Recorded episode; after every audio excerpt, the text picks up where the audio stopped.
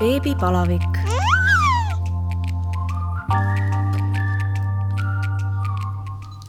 tere tulemast kuulama Õhtulehe podcasti Beebipalavik. mina olen saatejuht Katariina Toomemets ja täna on minu külaliseks seksuaalkoolitaja ja seksuaalcoach Kristina Pirk-Vellemaa. tere, Kristina! tere! Kristina äh,, räägi alustuseks, kui palju sul endal lapsi on ja kui vanad nemad on alustuseks ütlen nii, et meie peres kasvab neli last ja meil on kärgpere. ehk siis kolmel lapsel on minu DNA, ühel lapsel ei ole. ja kui vanad nad on? neli, kümme, kaksteist ja üheksateist.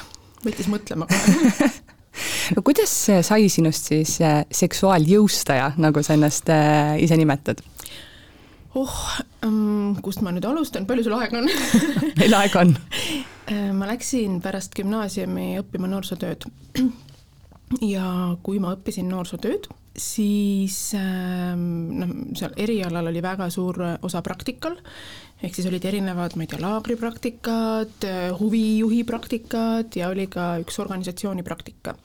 ja siis ma, minu meelest meil käis koolis keegi tutvustamas tudengitele siis erinevaid organisatsioone, ma seda täpselt ei mäleta, kuidas ma Seksuaaltervise Liitu praktikale jõudsin, toona oli ta Pereplaneerimise Liit, aga täna me teame väga hästi, et seksuaalsus ei ole ainult pereplaneerimisega mm -hmm. seotud. Ja see oli aasta tuhat üheksasada üheksakümmend üheksa ehk päris ammu. Ja Äh, niimoodi ma seksuaaltervisega seotuks jäin, kuigi ma vahepeal ei olnud ju põhikohaga valdkonnas, ma jõudsin isegi restorani juhatada, veinikeldrit, mida päris põnevaid töid.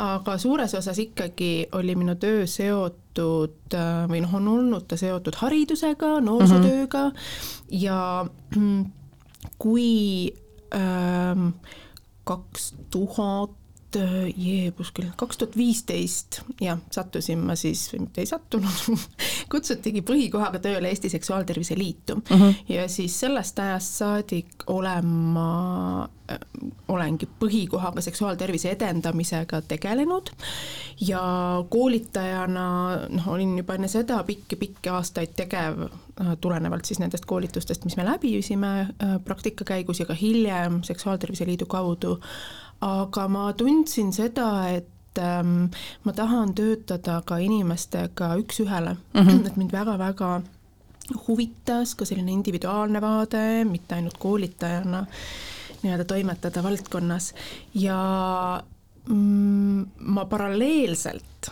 õppisin äh, oma teises magistriõppes antropoloogiat ja äh, sex coaching ut äh, siis mitte antropoloogiat ja sex coaching ut, aga samal ajal, kui ma õppisin antropoloogiks, õppisin ma ka sex coach'iks ja seda siis USA-s mm,, sest Eestis seda õppida ei saagi mm. -hmm. et ühesõnaga, ma olen pannud erinevatest sellistest suurtest ja väiksematest tükkideks selle, kuidas enda jaoks kokku. et niimoodi otseteega sa Eestis seda ei saagi mm -hmm. teha, et kuna mul on lihtsalt nii pikk koolitaja kogemus ja, ja kõiki neid muid koolitusi sinna juurde, et siis minu korv on koosnenud kõige kõigest sellest ja antropoloogia, kui ma ütlen enda kohta seksoloog, et see tiitel minu seksoloogi tiitel, ta ei ole mitte kliiniline mhm. -huh. vaid ma ei tea, noh Eestis ei ole sellist mõistet nagu kultuuriseksoloog või kultuuriline seksoloog uh, mhm. -huh. aga seksuaalsuse tähendus äh,, selle, selle nii-öelda mõistmine ühiskonnas, uskumused, hoiakud, häbi, tabud, et see on see, mille mhm. -huh. uurimisega mina tegelen ja mille kaudu, mille lammutamise kaudu ma siis ka jõustamisega tegelen no mida see seksuaalkasvatus siis äh, tähendab, keskmine inimene ilmselt arvab, et see tähendab äh, seksi kui tegevust. tegelikult on see ju palju-palju laiem mm. -hmm. noh, seksuaalkasvatus on kasvatus ütleme nii, et nii nagu me mõistame, et mis asi on kasvatus, seksuaalkasvatus on kasvatuse osa lihtsalt, aga kuna me oleme seksuaalsuse ja seksi kuidagi ähm, ühiskonnana või siis on meie eest seda tehtud ja meie jätkame selle tegemist kuidagi nagu ära peitnud mm, -hmm. et siis jääb selline mulje, et äh, ja noh, eks ta praegu ju faktiliselt niimoodi ka on, et seksuaalkasvatus on mingisugune eriline lähenemine kasvatusele mm. -hmm. jah, me peame sellega äh, erilise tähelepanuga tegelema, sest inimeste jaoks sageli see on endiselt kummaline, piinlik, mis iganes aga ta on osa kasvatusest ja kasvatus ei ole ju ainult see, mida me räägime, vaid see, kuidas me ise oleme. Äh, ja siin ma ei pea silmas seda, kuidas täiskasvanud ise seksivad, vaid -hmm. seksuaalkasvatus algab sellest, et me pakume lapsele turvalist kasvamise kogemust, äh, tundekasvatus väärtuskasvatus, kõik need asjad käivad ju siia juurde lahutamatult, ka see, kui me vastame lapse nutule, ka naerule, et kui me räägime sellest, et lapse vajaduste eest hoolitsemine on justkui ainult tema nutule reageerimine mm, -hmm. ei ole tema vajadused palju laiemas mõttes, ka see, kui ta naerab, et ta saab peegeldust, et tema heaolu läheb meile korda ja ja et ta saab turvalisi puudutusi ja lähedust ja, ja tegelikult juba ka pisikesest peale piiride kasvatamist, et kas ma tohin sulle kalli teha, kas ma tohin sulle pai teha, kas tahad, ma ei tea, teeme ninapusaga, mis iganes need mm -hmm. sellised väikesed äh, mitte siis traditsioonid, aga noh, ma ei tea, mis see asi, mis, mis selle asja nimi on, rituaalid jah või normaalne elu või normaalne elu jah, et, et kõik need asjad on seksuaalkasvatuse osa lisaks kõigele ja noh, muidugi mida, mida rohkem laps kasvab, mida vanemaks ta saab, seda rohkem sinna lisandub ka seda infot juurde mm, -hmm. mida tal on vaja selleks, et olla terviklik inimene, et hoid- ähm,, hoida oma tervist korras, suhteid turvalisena ja nii edasi. miks selline arvamus äh, on tekkinud, et, äh, et tõesti seksuaalkasvatus tähendabki seda, kuidas õpetada, et äh, kuidas mitte rasedaks jääda ja, ja kuidas suguhaigustest hoiduda, et tõesti, kui sa ütled, et lapse naerule ja nutule reageerimine on selle osa, siis ma olen päris kindel, et paljud inimesed mõtlevad, mis asja, mida sa räägid. Hmm et miks on tekkinud arvamus, et seksuaalkasvatus on ainult tagajärgedega tegelemine mm -hmm, või? sellepärast, et äh, oh, hea küsimus muidugi kultuuriuurija käest, et miks niimoodi, ma võin sulle jälle hästi pikalt hakata ei tea kust kohast rääkima ja ma ei jõuagi ju lõpliku tõeni välja. aga ma arvan, et kui me vaatame, millised hoiakud meil ühiskonnas on, äh, kui mugav meil erinevatest teemadest rääkimine on, siis võib-olla on tundunud, et selline meditsiinilis, kliiniline lähenemine seksuaalkasvatusele on kuidagi turvaline, sest et siis me ei pea olema haavatavad mm, -hmm. sest siis me ei pea tegelema nende keeruliste teemadega. Rasestamisvastased vahendid tundub, et väga lihtne on mm -hmm. see, see, see, see, see, kasuta selleks, selleks, selleks või siis suguhaigustest hoidumine, eks ju. see on kliiniline, see tundub lihtne, kuigi see ei ole ka ju mustvalge kõik mm. -hmm. Mm, ja, ja ega seksuaalsust pikalt-pikalt ongi ju käsitletud läbi reproduktsiooni, läbi mm -hmm. raseduse, läbi jälle ka sugulisel teel levivate haiguste, et kõik selline minapilt, naudingud, oma piiride kehtestamine, see, et igaüks on iseenda oma agentsus, kõik need teemad, need, nende üle me tegelikult praegu alles ütleme niimoodi, et hakkame järjest valjema häälega mm -hmm. arutama milline Eesti koolides, lasteaedades, haridusasutustes seksuaalkasvatus on ja milline see sinu ideaalis oleks? ebaühtlane on ta, hästi ebaühtlane, et meil on küll see eelis, et meil õppekavas, kui me räägime koolidest näiteks, et meil õppekavas on ju kohustuslik seksuaalkasvatus olemas, aga see ei tähenda seda, et see oleks ka kvaliteetne. mis sajandist see on? üheksakümne kuu, tuhat üheksasada üheksakümmend kuus oli see aeg, kui seksuaalkasvatus siis õppekavadesse viidi, kusjuures fun fact, ma leidsin oma vana märkmiku just pühapäeval, äh, siis mm, praegu me räägime siin neljapäeval, noh, mõned päevad tagasi. ja ma vaatasin, et mul on kolmapäevade peal, see oli kaheteistkümnes klass, mul on kolmapäevade peal kirjas tunniplaanis seks aasta oli üheksakümmend kuus. Mhm. et äh, ja ma ei mäleta sellest enamat kui teatavad sellised väga häirivad äh, õppekäigud sekspoodi, äh, millest ma olen siin-seal niivõrd palju rääkinud juba, et mingid teatavad fragmendid, aga noh, toona arusaadav, õpetajad visati justkui nagu täiesti jääkülma vette mm, -hmm. hakake nüüd midagi tegema, praegu on aasta kaks tuhat kakskümmend kolm ja on või? on veel on, saade läheb eetrisse juba kaks tuhat kakskümmend neli.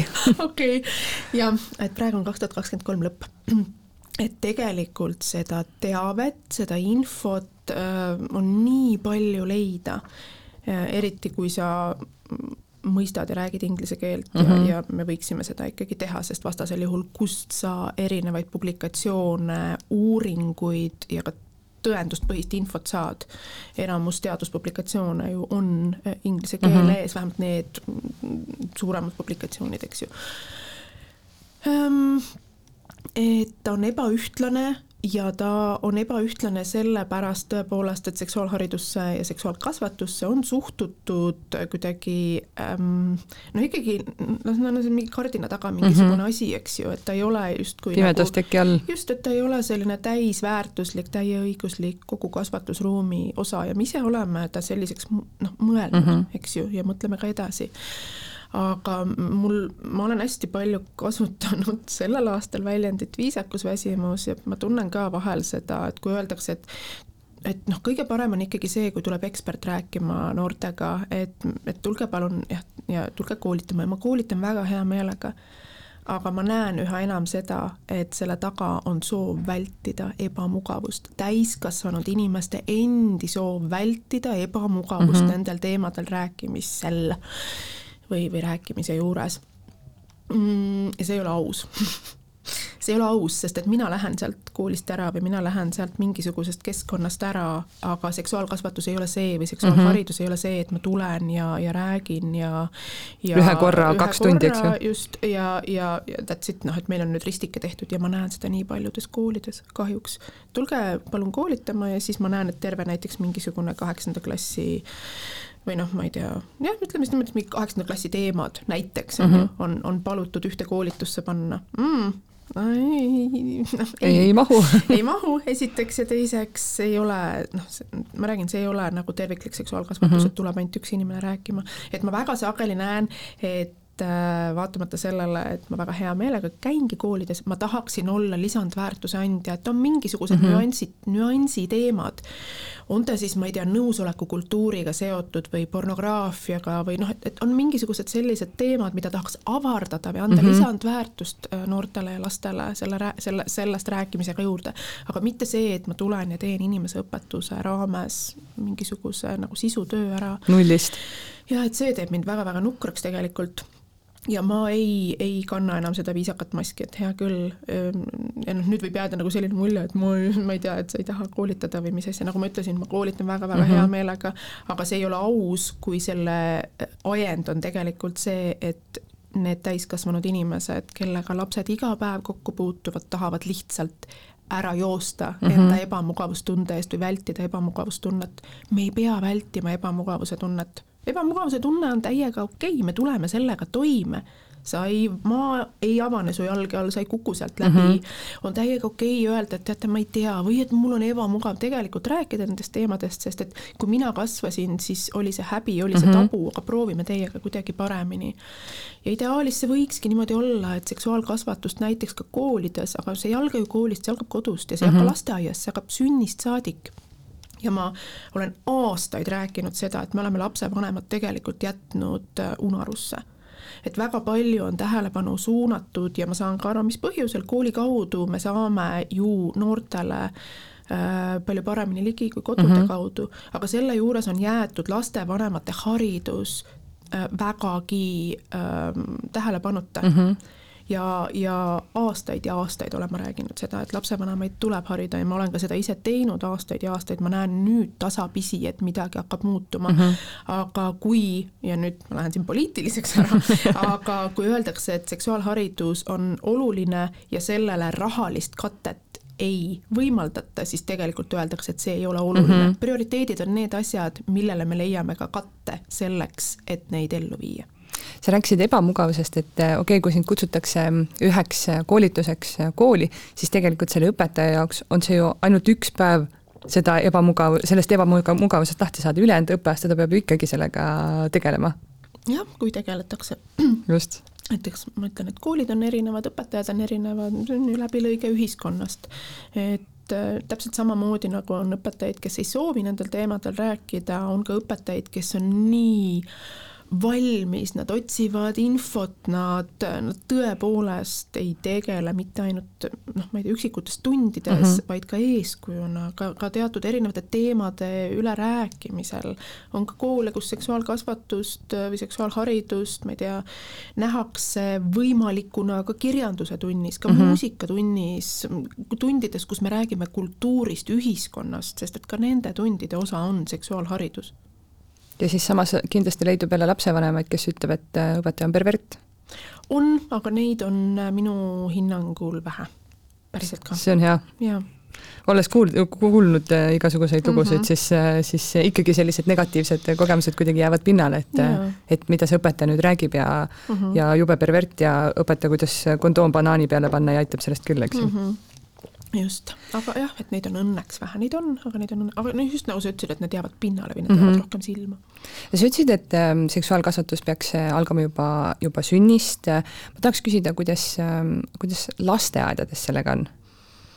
ka hästi-hästi ebaühtlane ja, ja õnneks on küll äh, lasteaednikele võimaldatud ka koolitusi, aga seda on väga vähe mm. -hmm ja noh, lapsevanemad ka peegeldavad erinevaid kogemusi lasteaedadega, alates noh, teema ignoreerimisest, lõpetades häbistamisega, aga praegu endiselt veel, et see teeb väga-väga kurvaks ja tegelikult ei tee ainult kurvaks, vihaseks teeb suisa mm. -hmm. et see, see on, see on tegelikult laste väärkohtlemine, kui me häbistame või lapsi häbistatakse millegi pärast, mis on nende, nende mis, mis on inimolemuse osa, aga kehade uurimine, avastamine, selle asemel, et õpetada ja kasvatada just nimelt seda piiride tunnetamist, piiride küsimist ja mõista, et nad on lapsed, nad õpivadki alles, täiskasvanud inimesed on täiega ämbris nende teemadega mm, -hmm. et mhm. mida te lastelt ootate, me ei anna neile päriselt, me ei loo neile sageli seda turvalist ruumi küsida või, või me ei anna neile ka sageli eeskuju, kui me vaatame, millised on täiskasvanute omavahelised mm -hmm. suhtlusmudelid ja suhted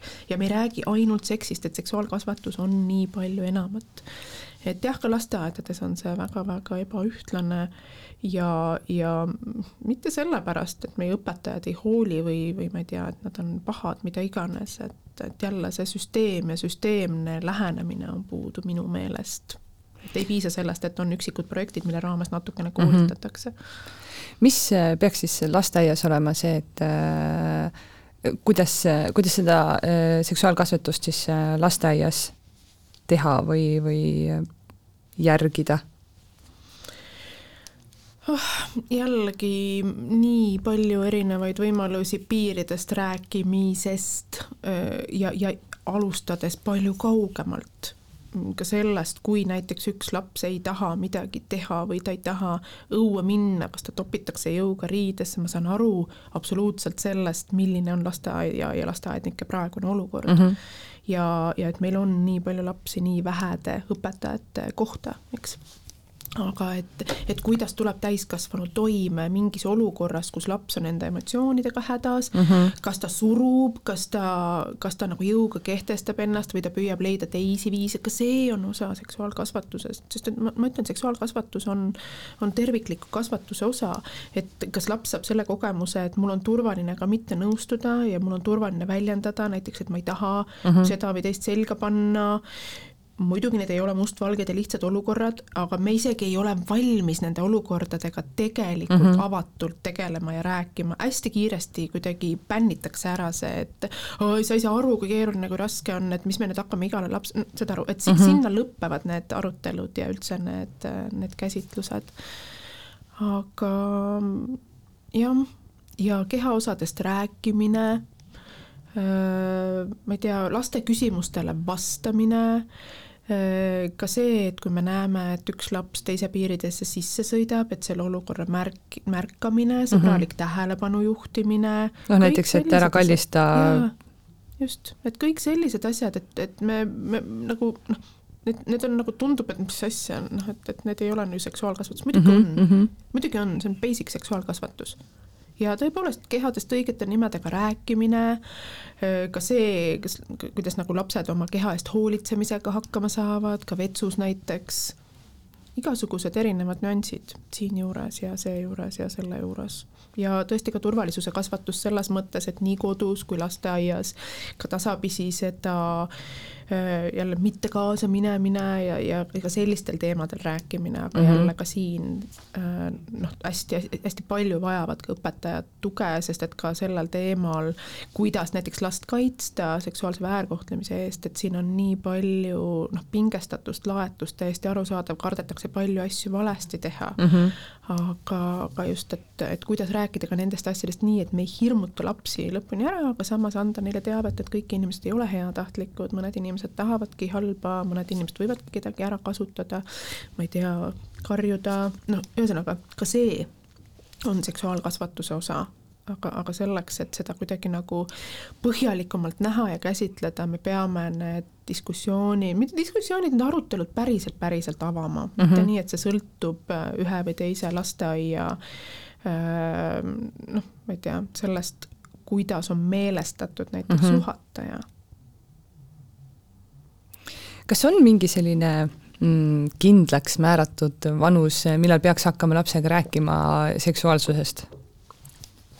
niipea, kui me lapsega üldse rääkima hakkame et niipea me ju räägime tegelikult ka seksuaalsusest, sest seksuaalsus on ju nii lai mõiste, eks ju, see puudutab meie noh, oh, kui ma nüüd lähen oma, oma sellisesse erialaterminoloogiasse, siis ähm, noh, on üks selline võimalik käsitlus, biopsühhosotsiaalne käsitlus, et seksuaalsus, seksuaalsuse ja seksuaaltervise biopsühhosotsiaalne käsitlus, see tähendab siis seda, et on miski, mida teeb meie keha, biomeditsiiniline et, et see puudutab nagu kehaprotsesse, keha toimimist, aga sealjuures ka erinevaid võib-olla haiguseid, diagnoose, ravimeid, siis psühholoogiline ehk see, kuidas me mõtleme, tunneme, reageerime, ka suhetes oleme, käitume.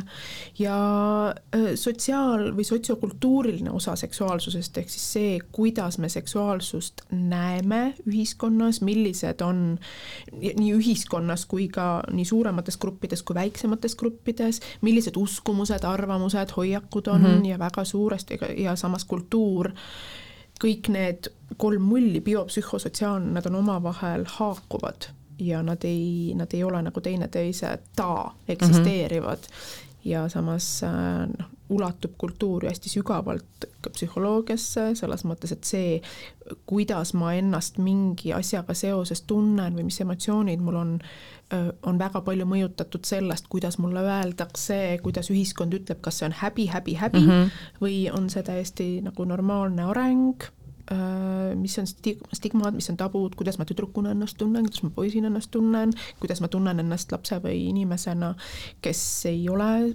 soobinaarne näiteks ja nii edasi ja nii edasi, et et jah, millest alustada või, või mida esimesena rääkida, niipea kui me hakkame lastega rääkima, niipea me tegelikult alustame seksuaalkasvatusega ja ka see, kui me ei räägi asjadest, on seksuaalkasvatus. seksuaalkasvatus, mida põhimõtteliselt ei, äh, ei tehta siis? jah, et ka vaikimine on seksuaalkasvatus, sest et, et äh, häbi nojah, sa kasvatad, kasvatad seda häbi tõesti. kasvatad häbi ja häbi, häbi elab ja häbi kasvab vaikuses. kas äh, väikelapse Ehm, teismelise, peaaegu noore täiskasvanu, eh, nende kõigiga seksist rääkimisel on mingid, tähendab kindlasti on mingid eri, erisused mm, -hmm. eks ju. Eh, mis need erisused on, kuidas peaks siis eh, võtma teemaks neid asju, sest noh, teismeline on ju kohe, et oh, vuih, mis sa räägid, eks ju, ja, ja see noor täiskasvanu noh, tal ilmselt on häbi, aga ta tahab ikkagi teada, sest, sest ta ikkagi tegeleb nende asjadega mm. -hmm. muidugi on erisused ja noh, arengu kohasus, eakohasus on hästi oluline ka seksuaalkasvatuse juures ja lapsed ju ise oma küsimustega annavad hästi palju suunda kätte mm. -hmm ja, ja samas, et me ei peaks jääma ainult ootama seda, mida lapsed küsivad ja, ja kui ma nüüd noh, ma ei tea, viis aastat tagasi näiteks seksuaalkoolitajana, äh, seksuaalharijana, seksuaalkoolitajana ja äh, võisin palju rohkem äh, väita, et, et siis, kui lapsed küsivad, siis nad on valmis, siis tegelikult ma täna enam selle seisukoha juures ei ole mm. -hmm et me saame näiteks ka erinevates mängusituatsioonides, kui me nukkudega mängime või ma ei tea, mis iganes legodega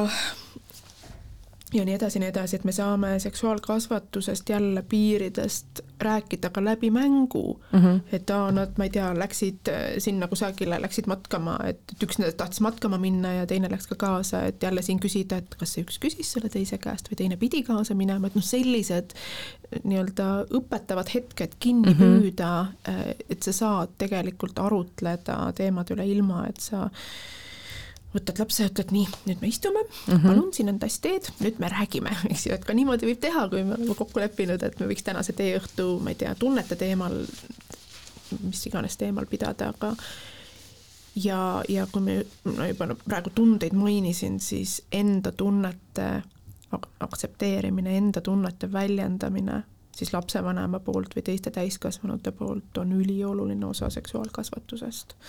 Et sa ei, ei preach'i niisama, vaid sa ikkagi elad ka seda, mida sa õpetad, kuigi sealjuures annad endale kogu aeg nii-öelda leebelt hõlpu, et me keegi ei ole ideaalsed, ma ei teadnud eile seda, mida ma täna tean. Mm, -hmm. ma ei osanud eile seda, mida ma täna tean, et see on ka täiega okei. Okay aga lihtsalt olla ignorantne ja blokkida neid teemasid, noh, see on juba teine asi, eks ju.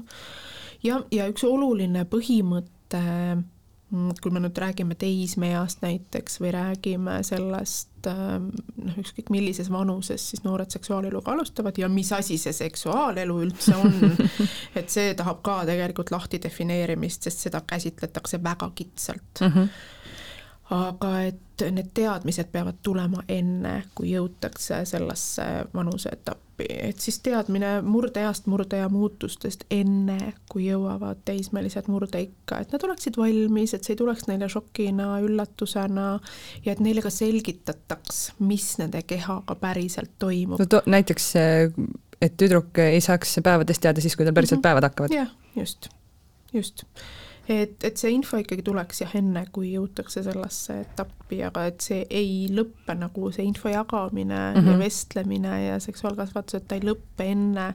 ja kui sageli ka öeldakse seda, et noh, muidugi on koolid need kõige õigemad kohad seksuaalhariduseks, sest noored ei taha oma vanematega rääkida, siis mind natukene siinjuures häirib see hoiak või selline kuidagi loomuldase arvamus, et, et see nii ongi, et noored mm -hmm. ei taha oma vanematega rääkida.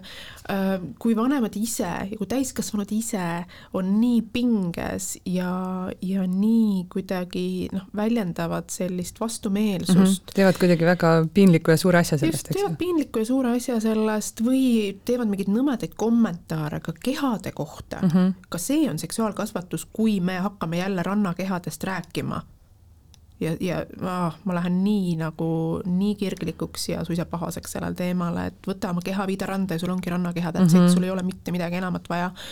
lapsed ju kuulavad, minu viieaastane tütar, noh, praegu ta on kaksteist, siis ta oli viis ja äh, ta on pärit kodust, kus on väga selline kehaneutraalne suhtumine mm -hmm. või kehapositiivne suhtumine, no kehaneutraalne, ütleme siis nii ja ma ei, ma olen jõuetu selle ees, et ta tuleb lasteaiast ja ütleb, et ta peaks dieeditama, sest et keegi ütles talle lasteaias, et tal on liiga paksud reied. viieaastane, millest me räägime? kust viieaastane üldse oskab öelda, et sul on paksud reied? no just, täpselt, et, et äh, kui me küsime, et kuidas meil laste seksuaalharidusega või seksuaalkasvatusega lood on, see on väga õigustatud küsimus, aga ikka ja jälle ma nagu viskan kohe õhku selle küsimusega, et kuidas meil täiskasvanute haridusega mm -hmm. lood on ja ka teadlikkusega. kui keegi ütleb oma, ütleb näiteks, ma ei tea, ma ütleks oma sõbrannale, et et ma räägin oma, oma viieaastasega seksuaalsuse teemal, siis noh, võib-olla ta vaatab mind nagu pooletoobist, et, et mis asja, et kas sul on kõik hästi, et miks see nii on ikkagi? et me elame ju praegu sellisel ajal, noh, mina olen kolmkümmend kolm veel, et äh, mulle tundub, et minu vanused siiski juba on nagu vabamad nendes asjades mm, -hmm. juba normaalsemad, ma tahaks öelda, aga ikkagi kohtab äh, täpselt äh, samamoodi ka minuvanuste seas äh, sellist nagu suhtumist. miks?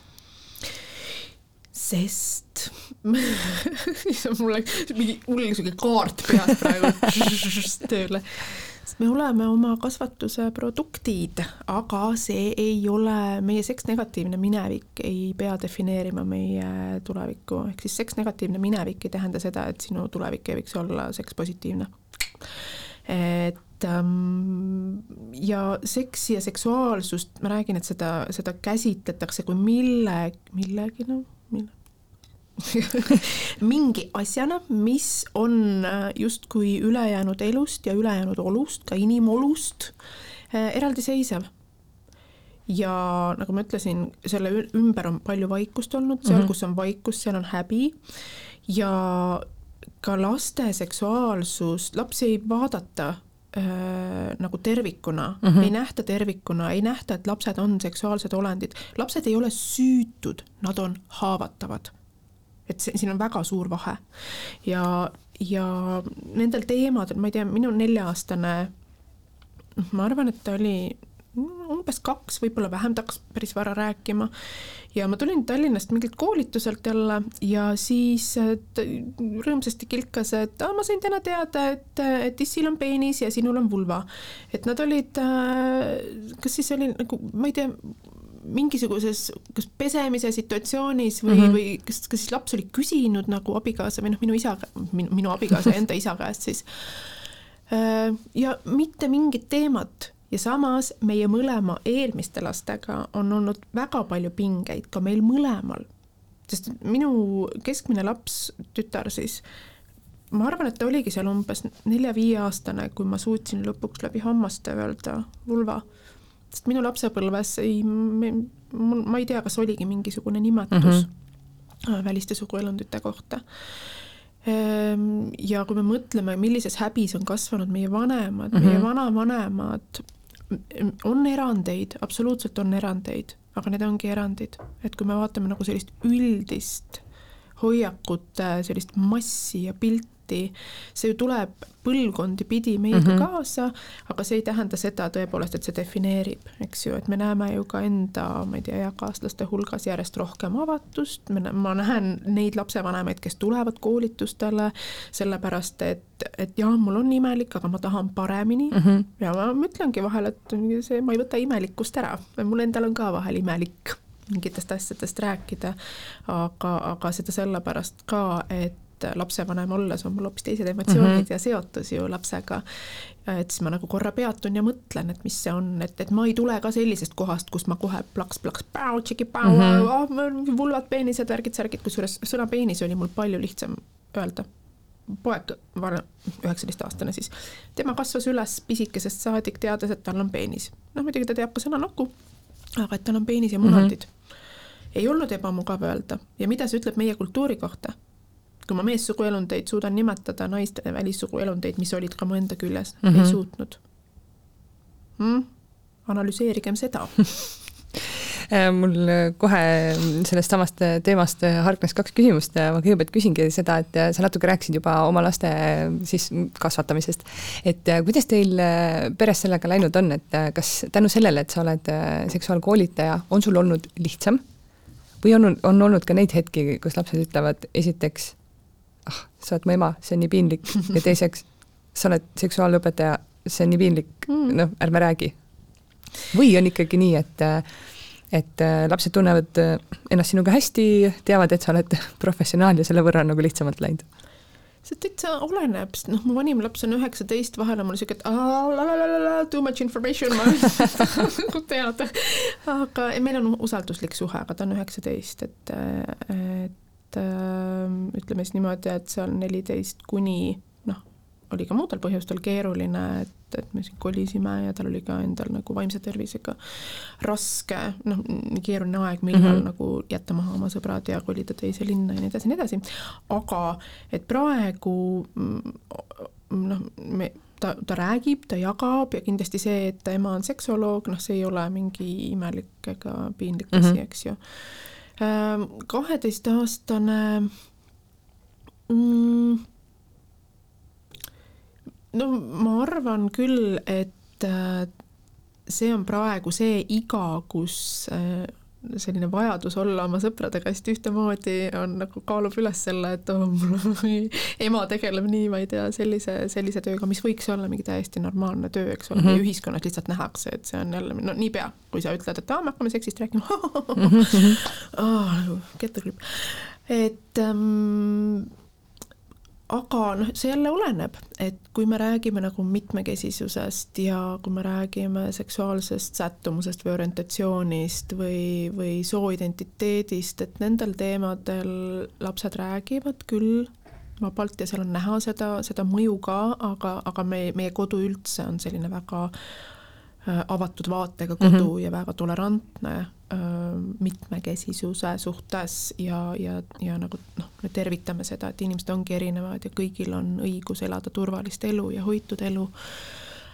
Et noh, ma ei tea, kui palju, noh, mul on keeruline nagu ära vaata lahutada, et mm -hmm. siin on see seksuoloog minus ja siin mm -hmm. on see minu ja abikaasa nagu omavaheline suhe, kui palju me omavahel räägime, sest noh, lapsed ju kuulavad kõrvalt mm, -hmm. mida me räägime. ja nad et, näevad ka pealt. just, nad näevad pealt, nad, nad kuulevad kõrvalt ka omavahelist austust, lähedust mm, -hmm. äh, turvalist tervet suhet, mida paraku jah ütleme siis niimoodi, et ei, ei noh, sageli ju ei, ei kogeta ja sageli ei pruugi olla ka eeskujuna lastel.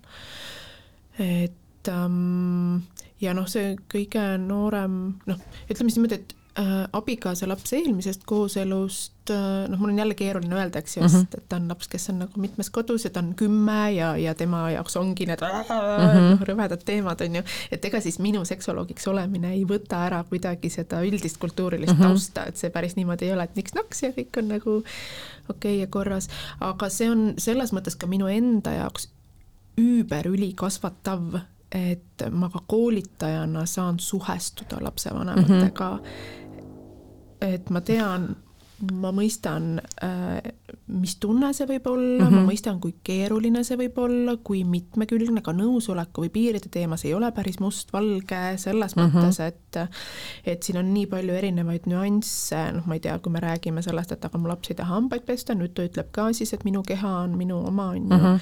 et noh, kuidas me nende olukordadega toime tuleme või et mina nüüd otsustan, et tänasest päevast ma ei pane oma kehasse ühtegi teist toitu peale friikartulit mm, -hmm. et noh, kuidas me selle olukorraga toime tuleme, aga aga need on väga head väljakutsed, need on väga head sellised mõtte, mõtteharjutused. Ja ähm, ma huviga vaatan, kuidas meie kõige väiksem Solveig, siis tema on neli, kuidas tema, kuidas tema kasvab? Et tema on, ta on nagu laps, kellel on noh, me oleme mõlemad ka palju teadlikumad lapsevanemad, ka mm -hmm. palju vabamalt kindlasti võtame, noh, ma olen praegu nelikümmend neli, Solveig sündis, kui ma olin neljakümne aastane ja, ja ma lasen ennast palju vähem mõjutada mm -hmm. välisest tõenäoliselt ja minuga ei ole nii, et mida vanemaks, seda konservatiivsemaks või mida vanemaks, seda vastupidi mm, -hmm. ma I don't no,, miks ma pean nagu ma, ma ei pea ennast enam välja vabandama mm -hmm. kuidagi või, või et, et ma ei mängi enam seda mängu kaasa eks ju. et noh, Solveigiga me julgeme palju julgemalt mitte mängida seda mm -hmm. mängu kaasa, mis nagu väljastpoolt tuleb, et vaatame, kuidas temaga läheb ja kuidas temaga on, et ega see jah, et ma seksuoloog olen ta lapsevanemana ikkagi paneb mind teatud mm -hmm. olukordadesse. aga ma loodan, et varsti saab seda raamatust lugeda ja teine, teine küsimus, mis mul eelmise mõtte juures tuli, oli see, et, et kui mina siis kolmekümne kolme aastasena olen kasvanud tõesti selles, et, et seks on häbi, kõik sellega seotud on häbi, aga ma ise tahan nüüd oma lapsele eh, anda siis laiemat maailmapilti ja teha selgeks, et see ei ole nii, millest ma alustama peaksin? ma arvan, et võib-olla sinu Instagrami jälgimine on juba hea algus, aga, aga kui ma nüüd mõtlen, et ma nüüd tahaks saada paremaks, mis ma tegema pean? pean minema raamatukogust mingeid raamatuid äh, laenutama, võtma mingeid koolitusi raamatukogu on kindlasti hea mõte, koolitused on kindlasti hea mõte, ma arvan, et üks väga hea ja oluline koht, kus alustada, on oma partneriga rääkimine sellel teemal või oma partneriga rääkimisest. Ja teiste täiskasvanutega rääkimisest Ähm, sest ma arvan, et, et päris paljudel täiskasvanutel võib olla seda tunnet, seda ka isoleerituse tunnet või seda tunnet, et ma ei tea ja ma olen ebakindel mm -hmm. ja me kõik maskime üüberhästi aga kui meil oleks siin stuudios praegu, ma ei tea, nelikümmend täiskasvanut, siis äh, väga suur osa nendest, nende maskide taga on, kannavad seda sarnast ebakindlust mm -hmm. või noh, lapsevanemaid, eks ju.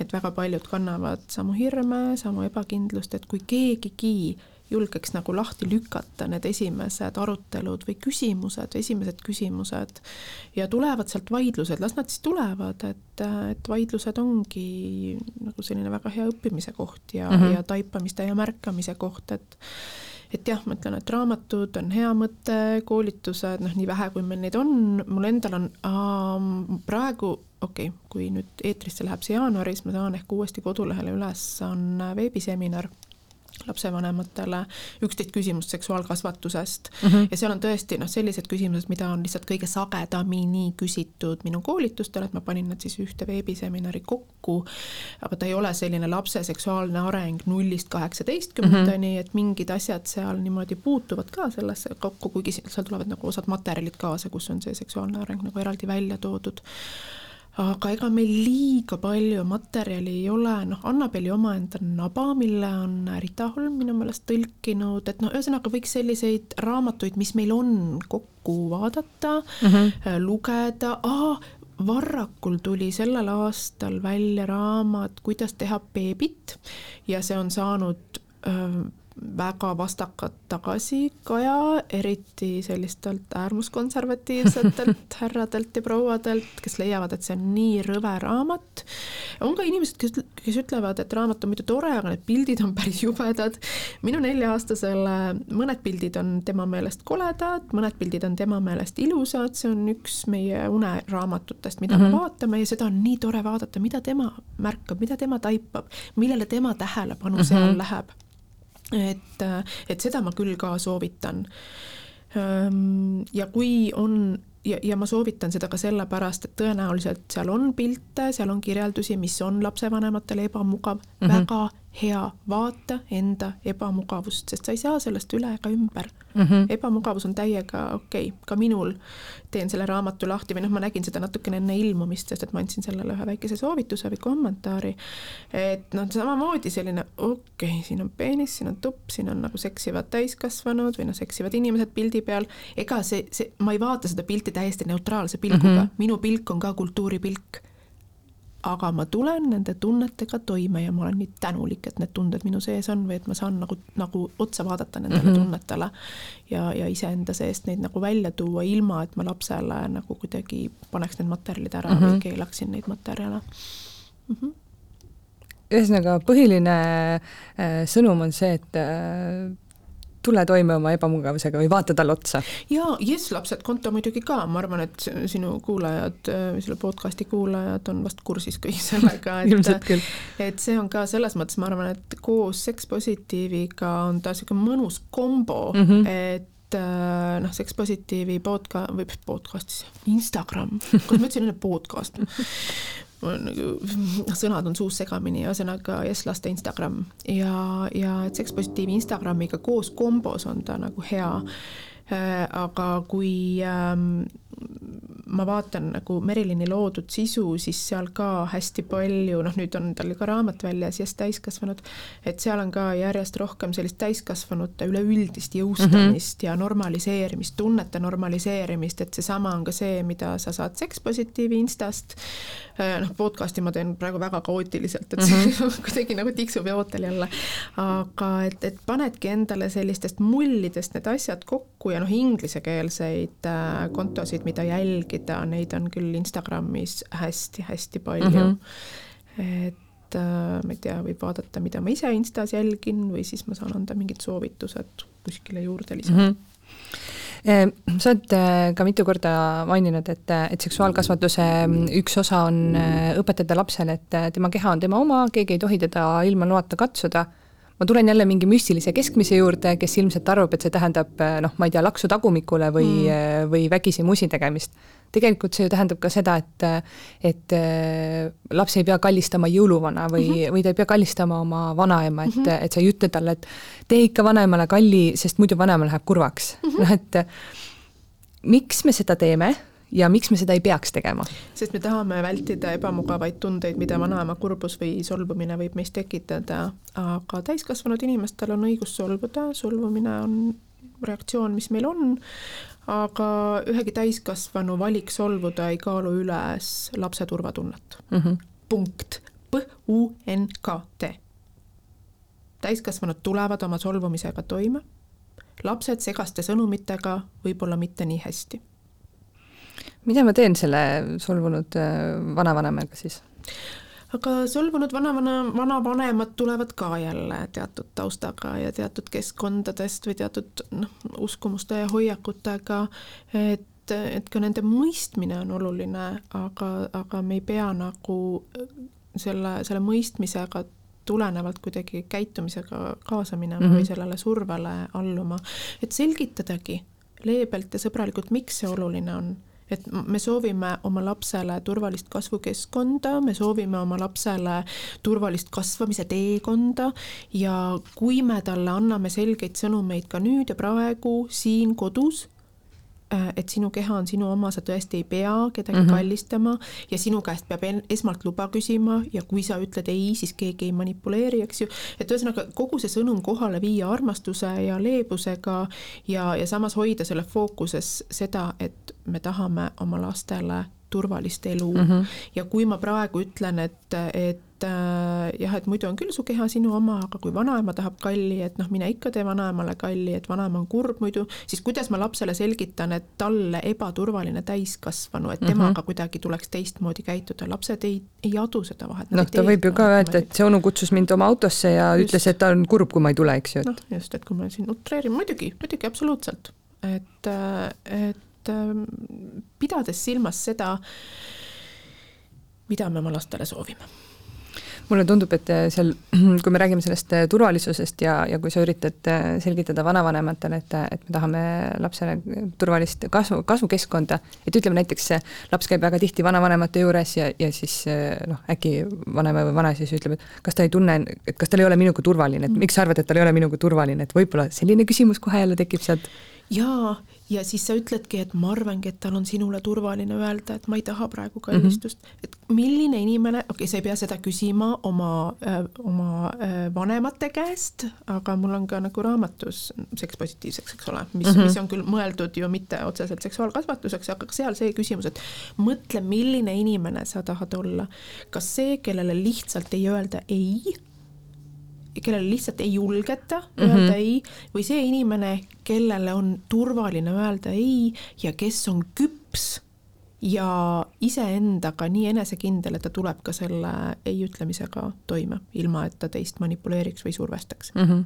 et milline inimene sa olla tahad ja jälle ei pea nii kirglikult seda sõnastama, kui mina siin aga mida teha näiteks olukorras, kus ma olen võib-olla lapsega Äh, mängutoas. Ja tuleb äh, teine laps, kes ongi äkki suur kallistaja, tuleb, haarab minu lapse haardesse, minu laps tardub, võib-olla noh, ta ei hakka sealt ära pressima, aga noh, ta ei oska kuidagi käituda. aga selle lapse vanemat ei ole näiteks silmapiiril. mis ma siis teen, kas ma lähen kohe lahutan, ütlen mine ära, minu laps ei taha? Või, või kuidas, kuidas nagu sellises olukorras käituma peaks? Või, või vaatad, et kuida-, mida laps teeb või, või, või lähed teda kohe päästma või no ma ei tea. no ütleme ma..., minu laps on praegu kahene noh, ta mhm. ei oska öelda, et äh, ma ei taha, et sa mind kallistad, on ju, ta oskab mm -hmm. seda öelda, kui ma ütlen, mine tee vanemale kalli, ta ütleb ei taha, on ju, see noh, sellest me saame aru kõik, eks ju. Mhm. aga selles olukorras noh, ta ei, ei pruugi osata käituda ju ja kui ta, kui ta, kui, kui laps on ise kuidagi jah, kui ta tardub selle juures, on üks asi, kui ta ise nagu käetavali kallistab teist last vastu, on ju, see on teine asi mm. -hmm. lapsega kindlasti küsida või peegeldada neid tundeid eakohaselt, kaheaastasega saab seda ka teha, aga tõepoolest nagu vastavalt sellele, kuidas laps on arenenud mm -hmm. ja kuidas ta noh, igaüks tunneb oma, oma lap-, last kõige paremini.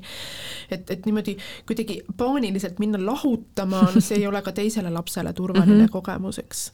et neid lapsi noh, ehmatad selle lapse poolsurnuks, eks ju. täpselt, et anda ka talle see kogemus, et äh, äh, nii-öelda neid piire seada või ka aidata kellelgi teisel piire seada, võib olla ka jälle see turvaline, see käib miljon korda läbi, aga mm -hmm. see on nagu nii oluline märksõna siin, et kuidas sina täiskasvanuna reageerid, et sa võid teisele lapsele leebelt öelda, et aga sa küsisid luba mm. -hmm või et, et teinekord küsi luba, et võib-olla ta ei taha kallistada ja tema peab sinu käest ka luba küsima, et see ei oleks ainult selline ühesuunaline mm -hmm. tee, eks ju. et sina tegid valesti, eks ju. et, et selgitada, et, et äh, kui sina küsid teiste käest luba, siis see tähendab seda, et teised peavad sinu käest ka luba küsima, jälle kaheaastasele kolmeaastasele vastuvõetavalt ja, ja arusaadavalt. ja see ei ole ju see, et me nüüd, ahah, et, et nüüd meil mängutoas oli see õppetund, nüüd ta teab kogu eluks mm, -hmm. kus me õpime kogu elu neid piire seadma ja astume nendest piiridest ka kogu elu moel või teisel üle, aga jälle see, et me ei võta seda enesestmõistetavana,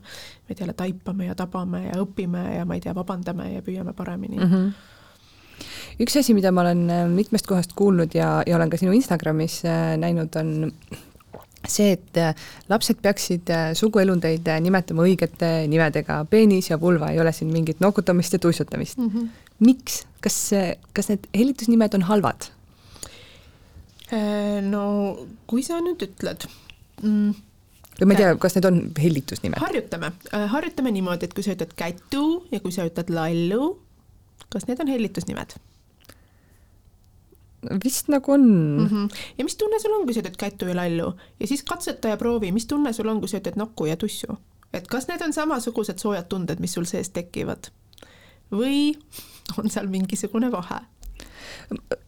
ta ei ole selline jah, nii nagu soe tunne, aga mingi vahe on jah, aga ma ei oska seda sõnadesse panna. jaa, ei peagi oskama, lihtsalt, äh, lihtsalt vaadata, uudistada ja märgata, sest seda argumenti on nagu nii palju ka lapsevanemad küsinud, et miks me või, me räägime kätutist ja lalludest mm. -hmm taipa, taba ja, ja püüa seda, seda vaibi või seda tunnet, seda, seda laetust, võib-olla seal ei ole laetust, aga ma, ma pakun, eeldan et siiski on mm. -hmm. ja kui lapsed on, ma ei tea, viieaastased, enamasti neil on käed ja jalad, kas siis nagu tussudest ja nokkudest saavad sama loomulikult peenised ja vulvad või?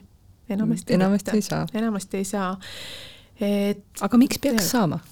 sellepärast, et keha on keha ja, ja kogu keha jaoks on olemas õiged ja korrektsed nimetused ja kui me jätame läbivalt sellise mulje, et osadel, osal väga vähestel kehaosadel on teatud koodnimetused, siis me anname sellise sõnumi, et osa kehast on kuidagi äh, kas varjamisväärne mm -hmm. või ebamugav või piinlik lastel ei ole, öeldakse, et lapsepärased, mina olen sellest koolkonnast, on ka osad seksuaalkoolitajad, kes ütlevad, et noh, lastega võib rääkida tossud, tossud ja nokud, aga öelge neile ka, mis on need õiged sõnad mm. -hmm. mina ei kuulu sellesse koolkonda, mina kuulun sellesse koolkonda, kes äh, räägib sellest, et me räägimegi õigete nimedega lastega algusest peale.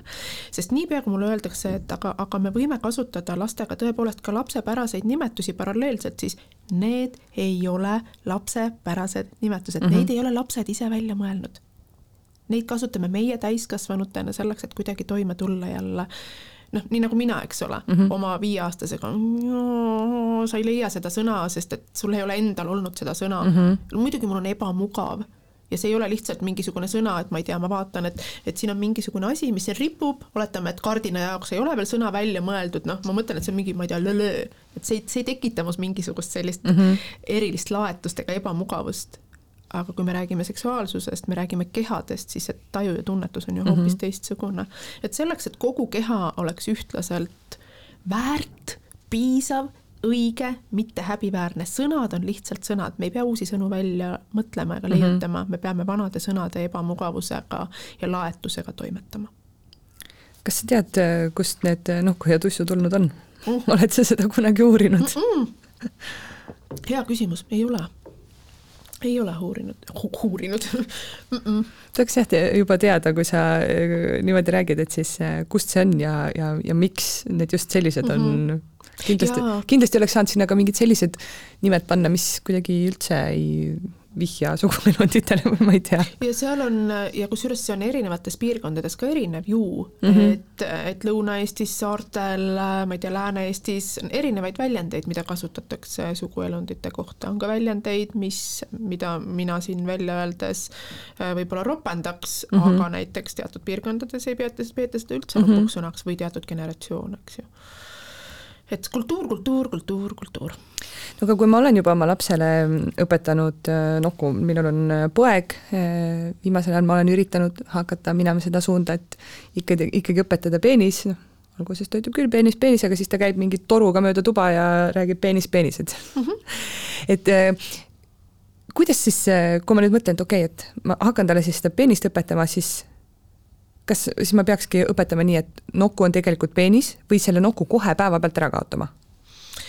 oh, siin ei ole mustvalgeid lahendusi um,. ei, kõik tahavad ju saada nii, et anna mulle nüüd tean, retsept. nii, nii, nii lapsevanemana kui ka täiskasvanutena, kui ma ka täiskasvanuid nõustan või coach in, vahel on ka see, et noh, ütle mulle nüüd, kuidas oma kätt mm -hmm. asetada või, või millist pesu kanda, et mm, -hmm. et siis nagu iha kogeda see ei käi enamasti nii lihtsalt, kuigi ka pesu ja käteasend, see võib seal juures olla, aga, aga mm -hmm. et ikkagi me peame nende asjadega sügavamale kaevama.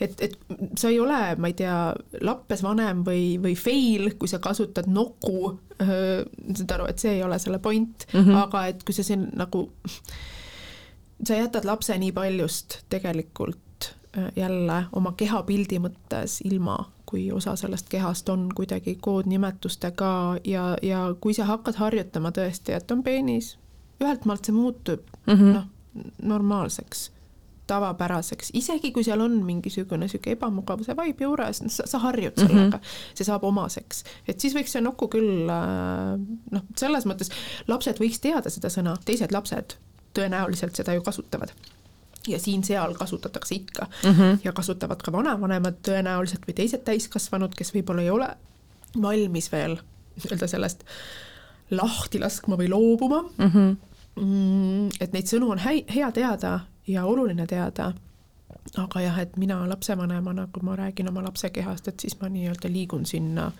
neutraalsete sõnade poole ma olen kuulnud ka seda, et, et kui laps teab, et peenis on peenis ja vulva on vulva, siis Äh, on tal väiksem võimalus langeda seksuaal, seksuaalse väärkohtlemise ohvriks. Äh, kas see vastab tõele ja kuidas see seotud on, selles mõttes, et kui, kui laps teab, et on nuku, siis ta ju tegelikult oskab ka öelda nuku mm. -hmm. no uuringud viitavad sellele tõepoolest, et seal on omavahel seos, no esiteks ka see, et mida enesekindlam on laps, seda väiksem tõenäosus on äh, seksuaalse väärkohtlemise ohvriks mhm. langeda mm. -hmm ja enesekindlus ja kehateadlikkus käivad teineteisega kaasas mm. -hmm. loomulikult see ei ole garantii, sest halbu inimesi mm -hmm. noh, lõpuni noh, ütleme niimoodi, et ükski asi ei anna garantiid, eks mm -hmm. ju, aga et ja ka laps oskab rääkida, mis tema kehaga äh, toimunud on mm -hmm. või mis tema kehaga on tehtud, et see ei ole miski, mis on toimunud, see on miski, mis keegi on kellelegi teinud mm. -hmm aga ma ise äh, fokusseeriks selle, selle küsimuse või selle teema ikkagi selle äh, kehalise enesekindluse mm -hmm. juurde ja kehalise enesekindluse peale. et tõepoolest, mida enesekindlam laps, mida rohkem oma kehast teadlikum ähm,, seda väiksem on tõenäosus väärkohtlemiseks kuidas ähm, peaks äh, tegelema sellistes olukordades, et noh, poisslaste vanemad ju teavad kindlasti, et ühel hetkel äh, poeg hakkab avastama oma peenist, äh, muidugi selge inimest huvitab, mis tal seal jalge vahel on, eks ju. ja on hetki, kus sa mõtled, et issand, palun pane see püksi tagasi, noh mm., kui palju sa jaksad seda välja võtta kuidas sellistes, sellistel hetkedel peaks äh, käituma, et kas sa oledki kodus, et kuule, pane oma peenis-püksi tagasi, noh, mis sa teed või, või kuidas äh, sellega tegeleda? ja, ja, ja kuidas tegeleda, kui, kui palju on sellist asja tüdrukutel, noh, neil ei ole midagi püksist välja võtta, eks ju mm, -hmm. aga, aga noh, sama küsimus siis äh, tüdrukute puhul, et kuidas nemad, nemad siis seda avastavad nii-öelda? avastavad ja uudistavad täpselt nii, nagu nad saavad, on nad siis poti peal või, või oma voodis või duši all või mannis, et ka tüdrukud avastavad, see on täiesti, see on täiesti soost olenematu lihtsalt mm, -hmm. kuna anatoomiliselt kellelgi on suguelundid rohkem väljaspool, kellelgi seespool, et, et sealt tuleb see vahe ja, ja see avastamine ja uudishimu on täiesti normaalne, loomulik, lihtsalt mida, mida rohkem nad mõistavad, mida suuremad nad on, seda parem on äh, neid suunata seda tegema privaatselt ja, ja see ongi selline ka sotsiaalsete normide või kokkulepete nii-öelda tutvustamine mm. -hmm. et, et seda on täiesti okei okay teha, nii vahva, et sa tunned oma keha suhtes uudishimu, aga mit, isegi mitte aga, tead see aga, nii tore, et sa tunned oma keha suhtes uudishimu ja sa saad seda teha näiteks noh, oma toas või milline mm -hmm. on privaatsusvõimalus kellelgi, eks ju et äh, ei tohi seda häbistada? kindlasti, absoluutselt mitte, et häbistamine, ma ütlen, et oma olemuselt on väärkohtlemine. et ähm, või jah, ma praegu päris, päris nagu häbistamist selle, selle kõige, kõige räigemas mõttes ei mõelnud, aga just kuidagi seda, et et äh, noh, et mida sa vehid siin, pane püksi tagasi. ei, ei kindlasti mitte, et, et ma saan küll aru, mis see reaktsioon või kust see reaktsioon tuleb, aga aga kui need reaktsioonid on sellised, siis, siis, siis see oh, on sisuliselt häbistamine mm. -hmm ja jälle täiskasvanud inimesed vaataks enda tundeid, kust need tulevad, mida ma kardan, mida mm -hmm. ma mhm. kardan äh, seoses sellega, et mu laps uurib oma suguelundit, mida ma päriselt kardan mm, -hmm. miks see on mulle ebamugav, mida ma pelgan, mis sellest juhtub. Ehm, ja aga suunata lapsi seda privaatselt tegema mm -hmm. on täiega okei. Okay meil on teatud ühiskondlikud normid, sotsiaalsed kokkulepped, kuigi mina ei ole mingile kokkuleppele alla kirjutanud. Et meil on jah, sest et selliseid noh, mingeid käitumisnorme, käitumisreegleid on ikka vaja lastele õpetada, et nad selles ühiskonnas toime tuleks, et me ei ela paraku nagu noh, teistest inimestest nagu või mm -hmm. teiste inimestega kokku puutumata ongi keeruline tänase osa jaoks eh, taustauuringut eh, tehes ma jõudsin eh, foorumites küsimusteni, et mida teha, kui mu, ma ei tea, kahe- või nelja-aastane tütar ennast rahuldab. mis hetkel päriselt lastel muutub see enda nii-öelda ütleme, selle oma suguelundiga tutvumine, et noh, mis mul seal on, eks ju, päriselt selleks, et, et ta tõesti hakkab ennast rahuldama ja mm, -hmm. ja kuidas siis sellega tegeleda no kui laps otsib äh, sellist äh, head tunnet või, või ta, ta tahab kogeda seda head tunnet, noh, siis võibki öelda, et see on see hetk ja selles ei ole mitte midagi valet jällegi. Nad, see ei ole selline, noh, öeldakse küll jah, et lapsed ei rahulda ennast, et nad rahustavad ennast mm. -hmm ja ma olen ise seda aastaid korrutanud ja siinjuures on jälle see, et selline lapsed on süütud hoiak mm, -hmm. et tegelikult see ei ole lihtsalt nii-öelda rahustamine, nagu ma võtan mõmmi endale kaisu mm, -hmm. lapsed tunnevad, et mu kehas on mingisugune väga hea tunne, mis selle peale tuleb, aga see ei ole erotiseeritud, nad mm, -hmm. nad ei seosta seda täiskasvanulikult või hilisteismeliste või teismeliste moodi kuidagi, nad ei seksualiseeri seda mm -hmm. sellisel kujul. ja seda jälle suunata tegema privaatselt et mitte riielda, mitte häbistada mm, -hmm. vahel on ka lapsevanemad küsinud ka koolitustel või siis ka nõustamisel, et aga mu laps on hakanud sage, sagedas, sage, sagedamini äh, siis ennast rahuldama või rahustama, noh, soome keeles on väljend unnutamine mhm. mm, -hmm. mida kasutatakse, see ei ole eesti keeles väga nagu käibele tulnud, ma olen ise seda ka varasemalt rohkem kasutanud, praegu ma ütlen, ma olen natuke selline lahkteel teatud uuringuid lugedes, äh, ma, ma ei noh, ei pane nagu kande maha, ei ütle mm, -hmm. et mhm. see selge seisukoht on nii või nii. aga et, äh, et kui on lapsevanemal see küsimus või see mure, et mu laps äh, rahuldab või rahustab ennast äh, palju sagedasemini kui varem, et mida ma nüüd teen, siis ei peaks tähelepanu pöörama sellele mm -hmm. rahuldamisele nii-öelda äh, enesele, kui sellele, mis lapse elus laiemalt toimub mm. -hmm. et kas tal on rohkem pinget, kas tal on rohkem stressi, kas tal on, ma ei tea, kardab lasteaeda minna või kardab ta mingit, ma ei, mingisugust asja või, või noh, ühesõnaga, et seda tausta tuleks vaadata mm, -hmm. mis laste elus muutunud on, mis on see suurem stressiallikas ja sellega tegeleda ja ikkagi mõista, et see on lapse jaoks ka toimetulekumehhanism, et see ei ole see ei ole mingi häbiväärne või piinlik asi. Mm,, aga jah, et see privaatsus ja jälle need mingid ühiskondlikud normid, et noh, neid on lapse enda huvides mm -hmm. ja lapse turvalisuse pärast oluline tutvustada. Just seda unnutamine või unnutamine, kuidas, kuidas seda peaks siis hääldama on ka üks sõna, mida, mida ma olen kuulnud, et äh, noh, ka umbes nii, et näiteks laps läheb õhtul magama ja mhm. noh, hõõrub äh, oma peenist näiteks vastu voodit, et mm -hmm. et sellel on ka vist erinevaid viise ja vorme. ja, ja see annab talle hea tunde ja vahel see aitab rahuneda ja, ja nagu päevapingetest vabaneda. nii on. nagu ka täiskasvanutel. absoluutselt lihtsalt täiskasvanute kogemus sellega seoses on teistsugune ja need tähendused on mm -hmm. teistsugused, lapsed lihtsalt kogevad kehaliselt seda ja nad ei omista sellele niisugust tähendust nagu meie mm -hmm. täiskasvanutena. millal lapsed hakkavad eh, küsima üldse küsimusi stiilis, eh, kust beebid tulevad, kuidas beebi emme kõhtu saab, mis on seks? issand, see on nii individuaalne. no sageli nad hakkavad seda küsima siis, kui nad näevad seda kusagilt mm aga ka siis, kui nad kuulevad seda kusagilt, ma ütlen, see on niivõrd individuaalne. aga koolimineku ajaks võiks küll juba selge olla, kustkohast äh, lapsed tulevad, kuidas nad sinna saavad, kust nad tulevad, mis asi on seks mis, äh, kas on mingi selline vanus, noh, minu kahene veel ei küsi, et äh, kus ma peaks olema valmis, et, et nüüd enam ei ole pääsu? nüüd kohe hakkab tulema mis sa sellest pääseda tahad siis nüüd, siis jaa. no mõni tahab äkki. väga hea, sul on aega siis, siis ise nagu oma mindset'i seada um,. paar kuud.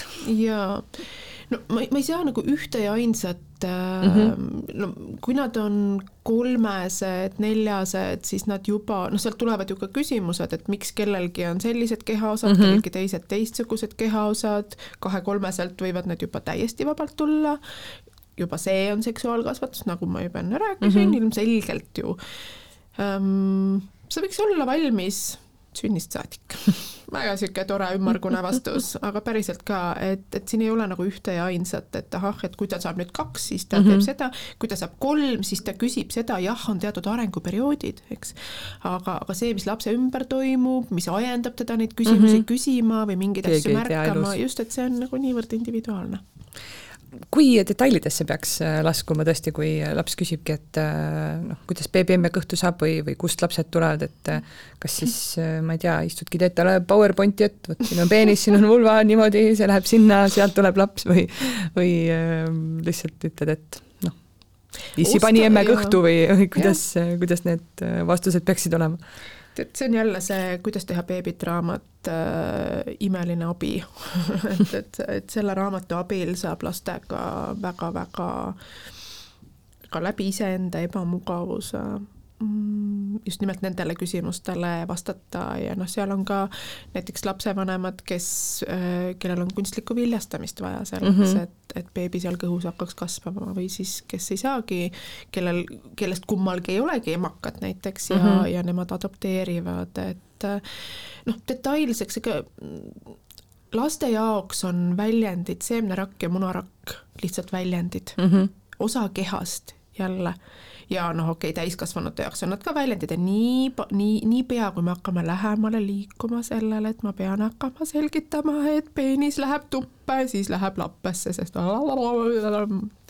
eks, laps ei küsi seda, kui mõnna sellel ajal oli mm -hmm. või, või mis iganes, mida te veel tegite, on peenis, on tupp, need on kehaosade nimetused. Ja munarakk, seemnerakk, emakas no neid asju on laps küll väärt, et talle mm -hmm. selgitatakse. ja, ja noh, tõepoolest ma ikkagi väga-väga soovitan seda, kuidas teha beebit raamatut, et see raamat nagu võite, võite isegi ette lugeda lapsele, kui mm -hmm. tal ei tule nagu neid, neid sõnu ja neid sõnastusi, et äh, jah. ma olen äh, päris kindel, et äh, pea iga inimese tutvusringkonnas on äh, neid, kes meenutavad õudusega lapsepõlvest äh, olukordi, kuidas nad sattusid äh, peale oma seksivatele vanematele ja lapsevanemad muretsevad, oo, mis nüüd saab, kui laps tõesti õhtul, päeval, noh, millal iganes astub meie magamistuppa ja me parasjagu seksime, et kas ta saab nüüd trauma kogu eluks? kas saab? issand, kui hea, mul on täpselt veebiseminaril on täpselt selline küsimus, et mu laps sattus meile seksides peale, kas me nüüd traumeerisime teda miks peaks olema seks lapsele traumeeriv, kui ta lihtsalt kogemata satub peale, seks on täiskasvanute, ta ei ole ainult täiskasvanute, jumala eest, täismeelised ka seksivad. kõlan nagu mingi tagurlane siin, aga noh, kui me siin selles mm -hmm. kontekstis praegu räägime, et on partnerite omavahelise läheduse üks väljendamise viis ja jah, kui laps satub peale, see on ka hea hetk võib-olla nagu mm, Äh, rääkida nendest piiridest ja ma ei tea, koputamisest mm -hmm. ja mhm. mida iganes, mis ei tähenda seda, et kunagi ei võiks seda kogemata pealesattumise mhm. mm -hmm. teemat tõusetuda. aga et see ongi meie omavahelise läheduse ja armastuse väljendamise ja kogemise viis ja see on, ma ei tea, lapsevanemate privaatne aeg ei, laps ei ole traumeeritud, kui me ise ei võta seda mingi õudse mm -hmm. traumana, küll aga tõepoolest noh, luua endale see keskkond, kus on võimalikult väike tõenäosus, et peale sattuda. ja kui lapsel, noh, oleneb ju ka, kui vana laps mm -hmm. on, ma kujutan ette, kui üheteistaastane satub oma seksivatele vanematele peale, aga ta ei ole traumeeritud, tal võib lihtsalt väga vastik olla mm. -hmm. et ta ju ei seosta absoluutselt oma vanemaid inimestega, kes omavahel võib-olla seksivad või mm -hmm. siis ta ei taha seda teha et võib ka küsida lapse käest hiljem, et kas sa jah, kuigi võib öelda, et oh, ma tean, mida ta vastab ja sa ei tea tegelikult, mida mm -hmm. ta vastab, et, et kas sa tahaksid rääkida sellest või, või et mul endal on natukene ebamugav mm, -hmm. ma mhm. tahaksin selgitada või jälle ja, ja või noh, jälle ei ole sellist asja, millele anda üheseid lauseid mm -hmm. ette, mida nüüd teha, aga jälle see mõttekoht, et et, et omavaheline läheduse väljendamine ei ole traumeeriv.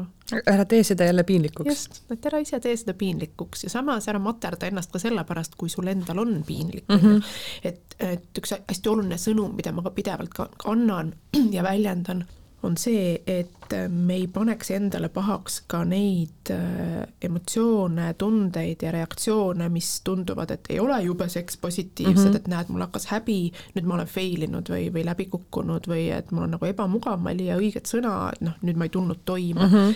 ära materda ennast, võta seda kui jälle toredat, ma ei tea, võimalust ennast tundma õppida, äh, tähelepanekuid teha, kasvada kui palju lapsed üldse peaksid äh, või võiksid pealt näha siis äh, vanemate, ma ei tea, musitamist, seda, kui äh, lapsevanem magab alasti, läheb magamistoast alasti vannituppa, kas mingist hetkest on see selline, et et noh, pane ikkagi hommikumantel selga, kui, kui lähed, või see ikkagi oleneb sellest, et kui laps juba oskab sulle öelda, et kuule, et mul veits ebamugav, kui sa siin paljalt ringi käid? Ma arvan, et see oleneb nii väga kodu ja pere piiridest, et mõnes kodus ongi ja ka minu intervjuudes, kusjuures kui ma noh, jälle sellesama oma magistritöö jaoks intervjuusid tegin, ka sealt tuli välja üks või kaks intervjuud, kus oligi alasti olek kodus täiesti tavaline mm. -hmm ja siis oli lastel natukene selline ehmatus, et teised ei, ei olegi oma kodus nii. aga et see sõltub hästi palju ju kodust, äh, sõltub sellest, kuidas nagu milline see noh, ma ei tea, millisesse konteksti alasti keha üldse asetatakse mm, -hmm. et kas seda seksualiseeritakse ja enamasti me seda seksualiseerime mm, ja tõepoolest, kui laps ise juba ütleb, et kuule, mul on ebamugav, pane riidesse, noh, see on jälle niisugune hea oluline kogemus lapse enda piiride mhm. väljendamisest mm -hmm. ja siis oleks hea seda ka kuulata. ma mõtlen näiteks mm, jälle mu keskmine laps, tema äh, Äh, oli ka niisugune hästi, ei armastanud riideid kanda, ma arvan, et oli kusagil neli-viis, kui tema vanem vend ütles, et kuule, pane nüüd, ma ei taha, mulle ei meeldi, et sa paljalt kodus käid. Ja noh, siis me pidimegi kokku leppima, et mm, -hmm. et kui on venna kodus ähm,, siis äh, pane riided palun selga, et kui vennat ei ole, ma ei tea, on ta koolis või kusagil vanavanemate juures, et noh, siis sa võid olla riieteta paraku me ei saa lõpuni vältida sellega seda, et me noh, et, et noh, siin tulevad mingisugused sellised alltekstid või sõnumid mm -hmm. kaasa, eks ju, et ahah, et mingist ajast mu keha enam ei ole lihtsalt keha, et mis värk sellega on, me ei saa seda vältida mm -hmm. lõpuni. aga jah, võiks kuulata, mida lapsed ütlevad ja lapsed väljendavad ja ise jälle mitte kuidagi ennetavalt seda keha kuidagi seksualiseerida, aga mm -hmm. samas kui ma ise tunnen, et äh, ma ei taha kodus alasti liikuda, ma ei pea ka seda tegema mm, -hmm. et mhm. sa ei pea ka lapsevanemana laskma oma keha vaadata või katsuda mm, -hmm. kui see sinu jaoks on ebamugav ja kui sealt lähevad sinu piirid, et ka see on okei okay poisid ja tüdrukud on ju teatavasti erinevad ja, ja kuidagi on ka selline mulje jäänud, et poisid peaksid rääkima või isad peaksid poistega poiste asjadest rääkima, emad äh, tüdrukutega tüdrukute asjadest, olgu selleks siis, äh, ma ei tea, peenis või, või menstruatsioon. kui palju äh, on sinu äh,, sinu siis äh, koolitaja töö jooksul tulnud ette seda, et võib-olla isad äh,, näiteks üksikisad, üksikemad pöörduvad sinu poole küsimusega, et kuidas ma nüüd oma pojale või tütrele pean hakkama selgitama mingit sellist asja, mida peaks talle võib-olla selgitama samast soost lapsevanem poisid ja tüdrukud ei ole nii palju erinevad, kui palju on nad sarnased kas see oli intrigeeriv küsimus või mul juba läks suu kriipsuks pähe ära. et muidugi on äh, bioloogilisi erinevusi, aga see, milliseks me nad kasvatame, ei ole bioloogiline paratamatus, see on juba iseenesest, siin on juba öeldud kasvatus, eks mm -hmm. ju. Aga, aga ei ole mingit põhjust tegelikult, miks äh, isad ei saa rääkida menstruatsioonist, või emad ei saa rääkida, ma ei tea, erektsioonist või seemnepurskest, jälle me ise asetame mm -hmm. ja hoiame endiselt kinni, ise asetame ennast sellesse olukorda ja hoiame kinni sellest olukorrast, mille sisse meid ennast on ka asetatud, eks ju. Et seda küsimust on küll tulnud palju ja minu koolitustel paraku ikkagi kaheksakümmend viis protsenti, ma julgen öelda, on äh, naised, emad. vähemalt naise, nimedega inimesed kui me räägime veebikoolitustest, et silmast silma koolitusi ähm,, no ühesõnaga jah, et pigem on see emade teema mm -hmm. ja, ja emade ma korra mõtlen, ma just mäletan ühte kontakt- või noh, silmast silma toimunud koolitust, kus oligi üks selline, aga ta ei olnud küsimus, see oli väide, et te siin räägite, et, et nendel teemadel lastega rääkida, aga minu poeg peab kasvama ilma nende teadmisteta, sest tema isa lihtsalt ei räägi temaga nendel teemadel ja mina ometi ei hakka rääkima mm. -hmm. ja seal on nagu no umbes nii, seda ma mõtlesingi ka.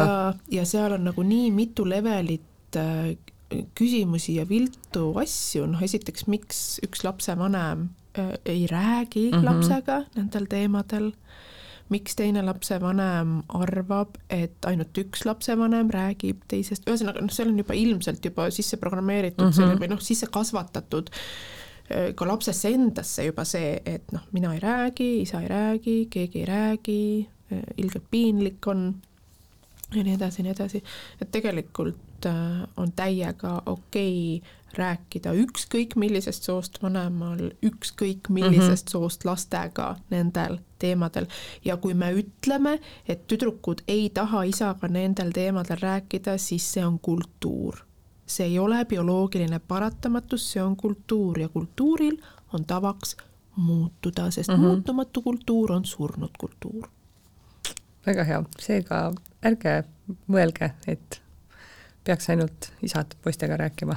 jaa, absoluutselt kindlasti mitte jälle samas ma saan aru, kust see hoiak tuleb ja nii edasi mm -hmm. ja kui laps ise väljendab teatud hetkel ebamugavust, siis muidugi ei ole siin see koht, kus hakata suruma, et kuule, me oleme siin progressiivid mm, -hmm. mida värki, ma, ma räägin küll sulle praegu sellest erektsioonist ja seemnepruskest. et äh, aga, aga ma arvan, et sellises hoidvas, hoolivas suhtes, austavas suhtes mm -hmm. lapsed ei ole meie omad meil on privileeg neid saata nende kasvatuse teekonnal, aga lapsed on iseenda omad, et me ka ei käitu niimoodi, et sa oled minu laps, ma nüüd võtan ja panen sulle neid teadmisi sinna pähe täpselt siis, kui mina tahan, eks mm. -hmm et, et noh, ka lapse ebamugavustundest tuleb aru saada äh, aga see ebamugavustunne näiteks menstruatsioonist rääkides võib olla ükskõik millisest soost vanemaga, ka mm -hmm. siis, kui me võib-olla oleme väga avatud, et noh, jälle, et siin on nagu erinevaid kihte päris palju, aga on väga-väga nagu ülisuur tõenäosus, et kui kodus ka lapsevanemad omavahel räägivad nendel teemadel avatult, siis ka lapsel ei ole seda ühte konkreetset valikut mm, -hmm. et mhm. nüüd ma räägin kas emaga või ma räägin isaga või, või ja mis siis saab, kui peres on ainult samast soost vanemad et kes või, või kui ema räägib, kodus ei ole, et mis siis ja, saab, eks ju. just, et kõik saavad rääkida kõikidel teemadel ja häbi on kultuurne millised on sellised peamised küsimused, mida lapsevanemad äh, sinu käest küsivad? ikkagi see, et millal alustada, millest alustada, mida rääkida kõigepealt, äh, vahel ka see, et kuidas nagu koostööd teha lasteaia ja kooliga mm, -hmm. kui nagu lasteaed ja kool väga ei ütleme siis niimoodi, et lapsevanemate arvates ei tule kaasa nende teemadega, aga samas on ka koole, kes on mures nagu vastupidi mm, -hmm. et, et tahaks nagu lapsevanematele koolitust pakkuda, aga lapsevanemad nagu piisavalt ei tule mm, -hmm. täiesti oleneb kindlasti seksuaalse väärkohtlemise teemadel küsitakse hästi palju ka see, et kuidas nagu kaitsta ja ma ütlen, et, et ei ole ühte ja ainsat võluvõtit või võlutabletti mm, -hmm. vaid just nimelt seesama seksuaalkasvatusega varajasest peale alustamine ja mitte ainult selleks, et kaitsta kedagi, vaid peamiselt ikkagi selleks, et kasvatada põlvkondi, kelle jaoks ei ole normaalne teisele inimesele oma tahet peale suruda mm, -hmm. teist inimest väärkohelda, ära kasutada. et alustada sellest, et juba see käitumine ei ole vastuvõetav ega aktsepteeritav. jah, ka selliseid poiste-tüdrukute küsimusi, just nimelt ka seda, et kes peaks rääkima mm, -hmm. kellega. Äh, kapist väljatuleku kohta on küsimusi ka päris sageli on ta siis seotud kas sooidentiteediga või seksuaalse orientatsiooni või sättumusega mm -hmm.. sedasama, et mida ma siis teen, kui laps seksile peale sattus, millest mm -hmm. sa just rääkisid, seda küsimust on päris palju, mõtle, mida veel äh,. arstimängude või keha avastamise kohta, ka sellesama unnutamise või unnutamise kohta või eneserahuldamise kohta Äh, mida teha siis, kui laps tahab alasti olla, no ikka need, need asjad on tegelikult suuresti läbi käinud mm -hmm. siit mhm. täna, need kõige sagedasemad küsimused. sa annad Pelgulinna riigigümnaasiumis äh, seksuaalkasvatuse valiktundi. On see kuidagi nii? Ehm, kuidas, kuidas sa sinna sattusid ja, ja kas sa võtsid selle, ma eeldan, tähendab, et sa võtsid selle pakkumise kohe vastu ja ütlesid, et muidugi ma tulen, sest, sest olukord on nagu ta on, aga aga kuidas sa sinna sattusid ja, ja kuidas äh, teil siis läheb? jaa, mul on selline valikmoodul nagu inimene ja seksuaalsus ja see on Eesti seksuaalhariduses ikkagi ma julgen öelda, et erakordne, sest et meil on kaks korda seitsekümmend minutit ühe klassiga nädalas, see on küll tõesti valik, et see ei ole ju noh, tervele mm -hmm. koolile, aga kaks korda seitsekümmend minutit nädalas ja me käsitlemegi seksuaalsust läbi siis kolme kursuse, seksuaalsus, inimene seksuaalsus on selle nimi, siis esimene kursus oli, mis just lõppes natuke mõned nädalad tagasi, seksuaalsus ja bioloogia. Äh, praegu käib meil kursus seksuaalsus ja psühholoogia ja viimane kursus on seksuaalsus ja kultuur, kuigi oleks võinud vabalt teistpidi keerata, aga noh, kuna me oleme samade noortega koos niikuinii ja nagunii on need teemad risti-põiki mm -hmm. noh, puutuvad üksteist erinevatest, erinevatelt kursustelt ka. Ja toimus see nii, et Indrek Lillemägi äh,, koolidirektor, kirjutas mulle kirja kaks tuhat kakskümmend kaks detsembris oma nägemusest, mida nemad tahaks Pelgulinna riigigümnaasiumis teha ja ma mäletan, et ma vaatasin nagu paar minutit vaikisin, kui ma seda kirja vaatasin ja siis ma lihtsalt nagu hakkasin toas üles-alla hüppama. mees oli ka seal ja siis ma nagu, issand, sa saad aru, mis praegu juhtus, sa saad aru, mis praegu juhtus. muidugi ma ütlesin jaa, sest ma olen nagu aastakümneid seda oodanud, et üks kool võtaks midagi sellist ette äh, ja kool väga palju on mõjutatud ju koolijuhist mm. -hmm.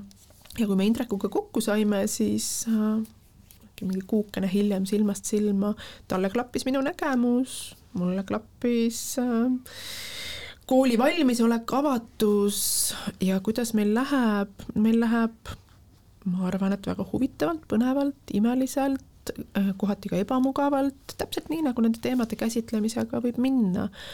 Äh, praegu me oleme jah, teisel kursus või noh, teine kursus juba selles samas moodulis. Ja me peame äh, hakkama katsetama, kuidas meie äh, nii-öelda selle tervikmooduli lõpu projekt hakkab välja nägema, et sellest ma praegu veel pikemalt rääkida ei taha, aga, aga see on midagi, mida noored seksuaalhariduses katsetavad ja proovivad ise nii et ma arvan, et selline suur väljakutse saab olema selle lõpuprojektiga, aga, aga see tagasiside, mis noortelt endilt praegu on, on hästi-hästi positiivne. ja ega selle noh, üks asi on jah see kui vanad nad on? Nad on kümnes klass ja üks asi on tõesti need faktiteadmised, mida nad saavad ja mida ma jagan, aga ma arvan, et isegi suurem tähendus on sellel, kuidas me nendes tundides, nendel kohtumistel seksuaalsusest, seksist räägime, et, et see, see, see nagu kergus mingis mõttes, teises mõttes täiesti äh, okei okay on öelda, et see on keeruline mm, -hmm. et see on mitmekesine, mitmetahuline, aga et, et me loome seda turvalist ruumi, kus rääkida, ilma et, et sa kasutad mingeid koodnimetusi või et sa nagu äh, värised ebamugavusest ja nii edasi, nii edasi ja samas nemad ise saavad valida, kui palju nemad vestlusesse panustavad mm -hmm. või räägivad. kuidas see alguses oli, kas äh, läks see paremini käima, kui sa võib-olla ootasid, läks see kuidagi natuke halvemini, ma ei, taha öelda halvemini, aga, aga mitte nii hästi käima, kui sa, kui sa ootasid Äh, just ma mõtlen nagu nende noorte mõttes, et, ähm, et nende küsimused või, või just see mm. kaasarääkimine seal päris alguses? ma arvan, et see oli täitsa ootuspärane, sest ma ju koolitan noori nii mm -hmm. palju üle Eesti ja noh, sealhulgas ka gümnaasiumi noori. et ja ta läks väga hästi käima, noh, selles mõttes ta muidugi jah, on natuke teistmoodi kui lihtsalt see, et ma lähen kusagile koolitama, et mm -hmm. nemad teadlikult valisid selle mooduli, nad mm -hmm. tahtsid tulla sellesse moodulisse just nimelt, et noh, vahel on koolides niimoodi, et ma lähen koolitama ja siis, siis nad ei teagi täpselt, mis teemast me hakkame mm -hmm. rääkima või mis nüüd toimuma hakkab, et see on jälle selline näide sellest äh, nõusoleku kultuurist mm, -hmm. et mhm. andke noortele ka infot, mis nendega toimuma hakkab või, või, või kuhu nad nii-öelda satuvad, on ju ja et nad saaksid öelda ka jah või ei, sest et vahetevahel võivad olla mingid teemad koolitustel ju päästikud või trigerdavad, eriti kui me räägime, ma ei tea, seksuaalvägivallast mm. -hmm. aga äh, noh, mingis mõttes jah, ootuspärane Mm, ma olin väga positiivselt meelestatud ja see positiivne meelest-, meelestatus püsib praeguseni ja ma usun, et ta püsib lõpuni. mul on nagu tohutu privileeg nende noortega koos olla, koos rääkida, tegutseda, et need on noh, päris kindlasti mu töönädalate sellised kõrgpunktid? kõrgpunktid, ma ei tea, kas isegi kõrgpunktid, väga palju vahvat on minu töönädalates, aga, aga noh, selline, kas sellist neljapäev on pergipäev ja see on kuidagi niisugune eriline, mõnus. Kristina, suure, suur aitäh, aitäh sulle tulemast ja rääkimast äh, teemadel, millest äh, juba hakatakse natuke rohkem rääkima, aga võiks kindlasti alati veel rohkem rääkida jaa, aitäh sulle kutsumast oh,. üks asi veel, et mitte ainult PERG ei ole see koht, vaid nüüd on ka Edumuse kaudu teistel gümnasistidel võimalik äh, küll väiksemas mahus mm -hmm. sarnast moodulit saada, nii et kui lapsevanemad kuulavad, siis võivad oma lapsed ka sinna Edumuse poole suunata. et ka see variant ja see võimalus on olemas, aga suur aitäh sulle kutsumast ja väga-väga vahva oli. aitäh kuulamast kuula beebipalavikku üle nädala neljapäeviti Spotify'st, iTunes'ist või kust iganes oma podcast'id leiad